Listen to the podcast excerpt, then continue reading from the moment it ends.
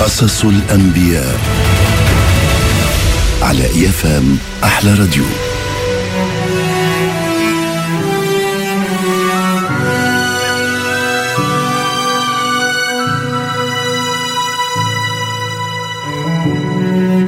قصة اليوم هي على سيدنا هود عليه السلام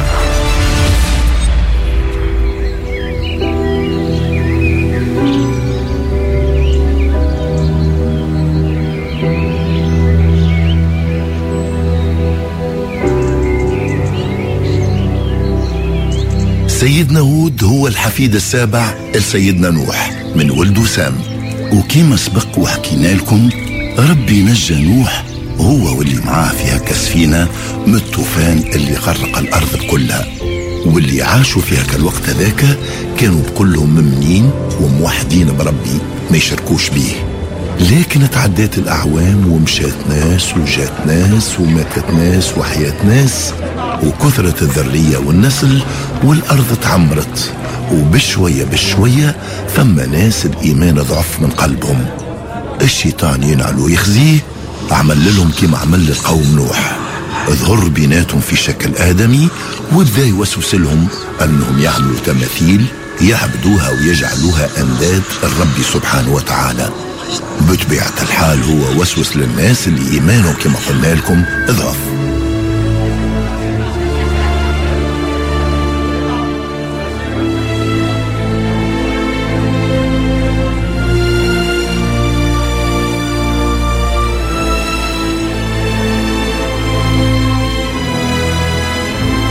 سيدنا هود هو من قبيلة عاد يعني عربي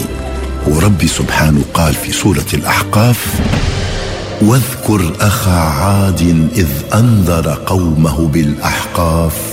وقد خلت النذر من بين يديه ومن خلفه الا تعبدوا الا الله اني اخاف عليكم عذاب يوم عظيم صدق الله العظيم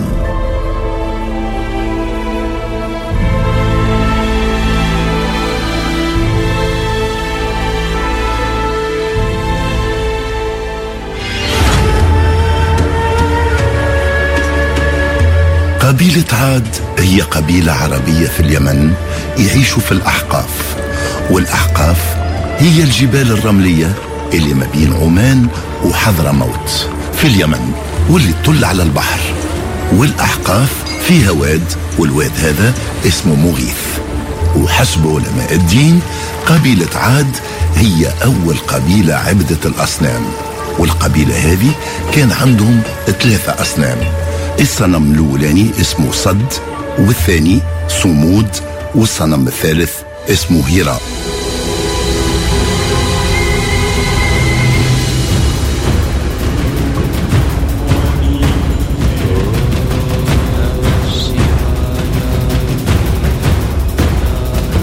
قبيلة عاد هذه تعدات عليها أجيال وأجيال وهما يعبدوا فيها كثلاثة أصنام يتوسلوا لهم ويقدموا لهم في القرابين ويعبدوا فيهم من دون الله سبحانه وتعالى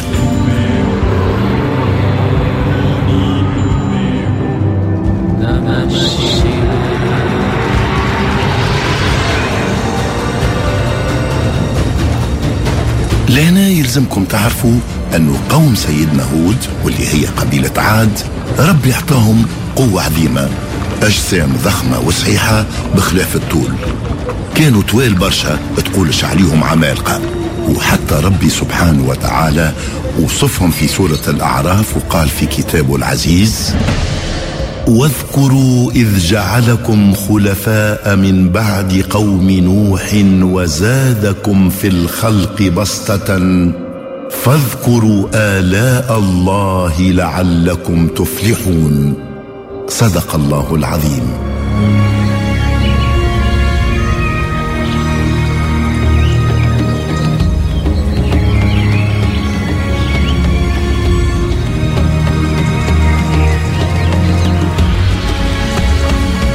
المعنى متاع زادكم في الخلق بسطة معناها زادهم في الطول في القوة في البنية متاعهم قوم عاد كانت عندهم قوة عظيمة لدرجة أنهم يبنيوا في القصور في الجبال قصور تكذب العين مرات القصور هذم كانوا يبنيوهم وما يعيشوش فيهم كان الغرام متاعهم هو هذاك لكن وراه فكرة الفكرة هي أنهم يخلوا المرور متاعهم في الدنيا بهاك القصور هذوكم لكن في المقابل هما يعيشوا في الخيام اللي كانوا ينصبوهم بأعمدة فخمة كما قال عليها سبحانه وتعالى في كتابه العزيز في سورة الفجر الم تر كيف فعل ربك بعاد ارم ذات العماد التي لم يخلق مثلها في البلاد صدق الله العظيم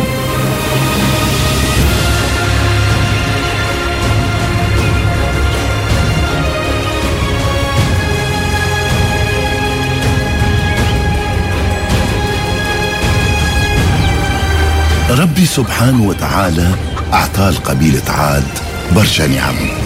خلف أنهم كانوا صحاح البنية وقوتهم هايلة كانت الأرض متاعهم خصبة المال الحظ متوفر بكثرة والزراعة وافرة والمحاصيل كبيرة الأرض اللي عيشوا فيها هي عبارة على جنة كانوا عايشين في وسط بساتين المنظر متاعها يجلي القلب وينعش الروح ربي عطاهم خيره لكن هما ما كانوش شاكرين ليه الخير طراهم ونساو مولاهم ولاو يعبدوا في الأصنام كما قلنا لكم والقبيلة هذه كانت أول قبيلة تشرك بالله من بعد قوم نوح اللي غرقهم الطوفان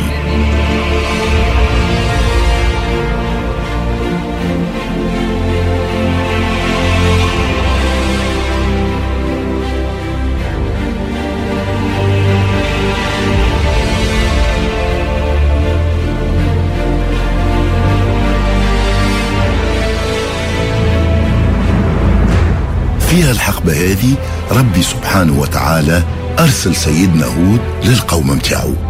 كان إنسان معروف بالخلق الحسن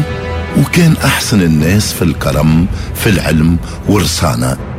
سيدنا هود من نسب متوسط معناها لا كان من الأعيان ولا كان من الفقراء وربي أرسلوا القوم باش يدعوهم للرجوع للحق والإيمان بالله وحده لا شريك له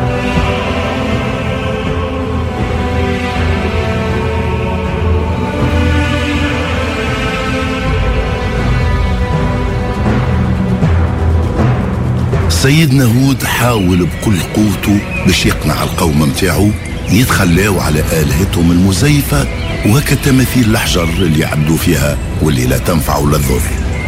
لكن قومه سخروا منه واستهزأوا به وقالوا له من أشد منا قوة كانوا يشوفوا في رواحهم جبابرة وعمالقة وما همش خايفين من كلام سيدنا هود اللي حذرهم من عذاب ربي الشديد حذرهم من أنهم نهار آخر باش يتحاسبوا ويتعاقبوا على إشراكهم بالله وفي السياق هذا ربي سبحانه وتعالى قال في كتابه العزيز فأما عاد فاستكبروا في الأرض بغير الحق وقالوا من أشد منا قوة أولم يروا أن الله الذي خلقهم هو أشد منهم قوة وكانوا باياتنا يجحدون صدق الله العظيم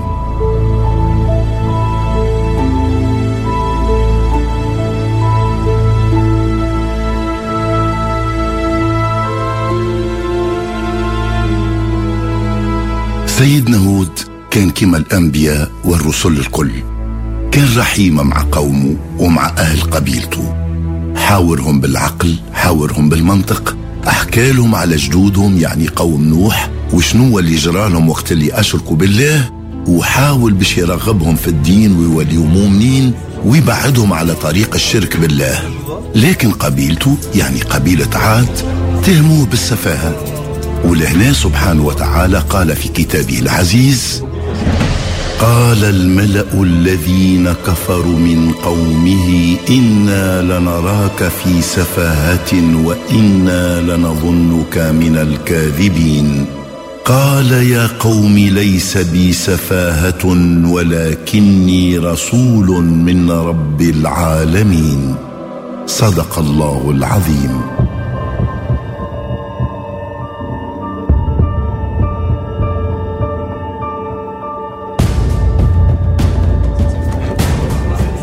القوم نتاعو سفوه وقالوا عليه كذاب وصلوا لدرجة أنهم صدقوا اللي الآلة متاعهم المزيفة هي اللي غضبت على سيدنا هود ومست له عقله وخلته مجنون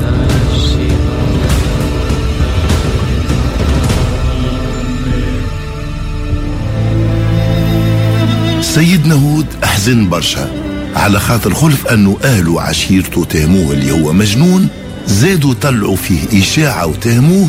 أنه طامع في منصب ويحب يستغنى بالدعوة متاعو توحيد الله ولهنا سيدنا هود غاضته نفسه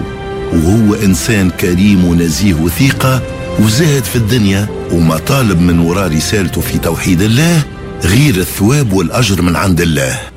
ووقتها طلب ربي باش ينصروا على قوم الكافرين كما جاء في كتاب الله العزيز قال رب انصرني بما كذبون قال عم قليل ليصبحن نادمين فاخذتهم الصيحه بالحق فجعلناهم غثاء فبعدا للقوم الظالمين صدق الله العظيم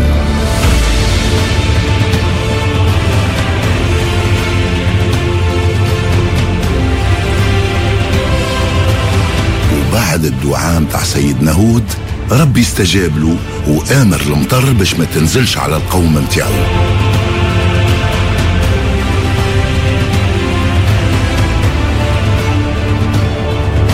عدات أشهرة ولا جديدة تحت الشمس في الأرض متاع قوم موت معناها سحابة لا غيمة لا قطرة مطر ما هبطش من السماء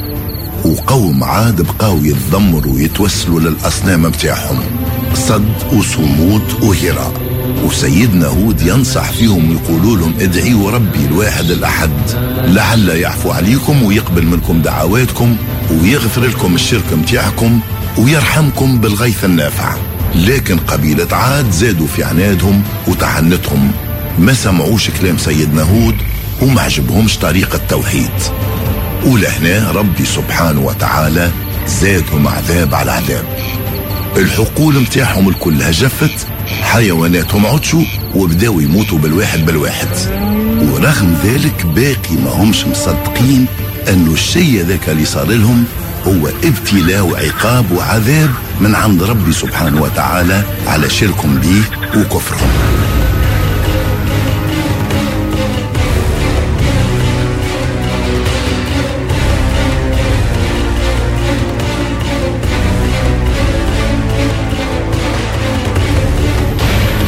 تعداو ثلاثة سنين على القوم هوت وقطرة ما ما هبطتش من السماء العيون واللبار جفوا والناس ولاو في ضيق وعطش وجوع كبير ولهنا قبيلة عاد ما لقاوش بهاوين وما لقاو حتى حل غير انهم يرجعوا يدعيوا ربي لكن ما سلموش في الاصنام متاعهم يقول القائل كيفاش الحكاية سهلة برشا لأنه فما برشا ناس وقت اللي يستغناو ويوليو ولبس عليهم يكفروا بالله ووقت اللي يتغسروا يهبط عليهم المعصار ويوليوا يشوفوا في الموت بعينيهم يرجعوا يطلبوا في رحمة ربي ولهنا يلزمكم تعرفوا أنه قبيلة عاد هذه مستانسين وقت اللي تصير لهم مصيبة ما يدعيوش ربي في أي بلاصة كانوا يبعثوا وفد البيت الله الحرام يبعثوا مجموعة لمكة باش يطلبوا ربي ويدعيوا له يجلي عليهم هكا الغمة ومكة كانت عندها قدسية من أول الزمان ولهنا نقول لكم إلى اللقاء وبقية قصة سيدنا هود تسمعوها غدوة في نفس التوقيت على إيفان أحلى راديو